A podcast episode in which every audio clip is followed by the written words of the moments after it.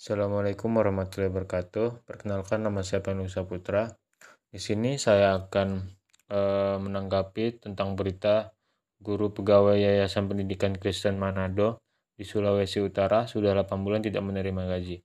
Di sini e, saya menanggapi karena sudah 8 bulan dia tidak menerima gaji dan tidak dapat seperser pun. E, dan sampai 9 bulan juga mereka belum mendapatkan sepeser pun.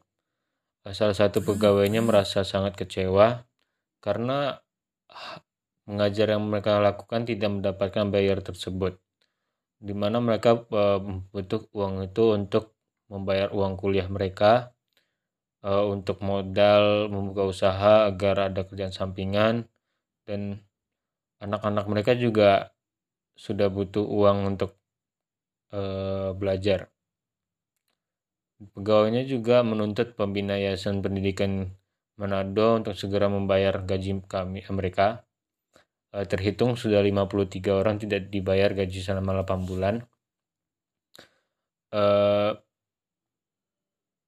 uh, permintaan untuk janji dari pihak yayasan yaitu Bapak Ever Tangle mengaku pihaknya belum membayar gaji pegawai serta yayasan tersebut Meski mereka e, berjanji semua hak para guru dan pegawai bakal dibayar. E, kita selalu berhubungan dengan pengembalian keputusan, jadi kita akan bicara kepada badan pekerja. Pasti akan dibayar. E, tanggapan saya e, untuk Indonesia e, masih banyak juga yang belum terekspos. Seorang guru di pelosok tidak mendapatkan gaji, uh, instansi pendidikan Indonesia belum dapat gaji.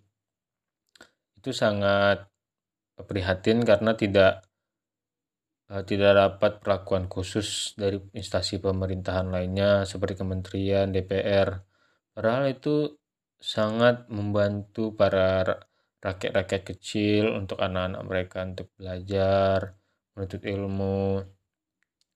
E, namun kesadaran pemerintah tentang pentingnya guru sangat minim.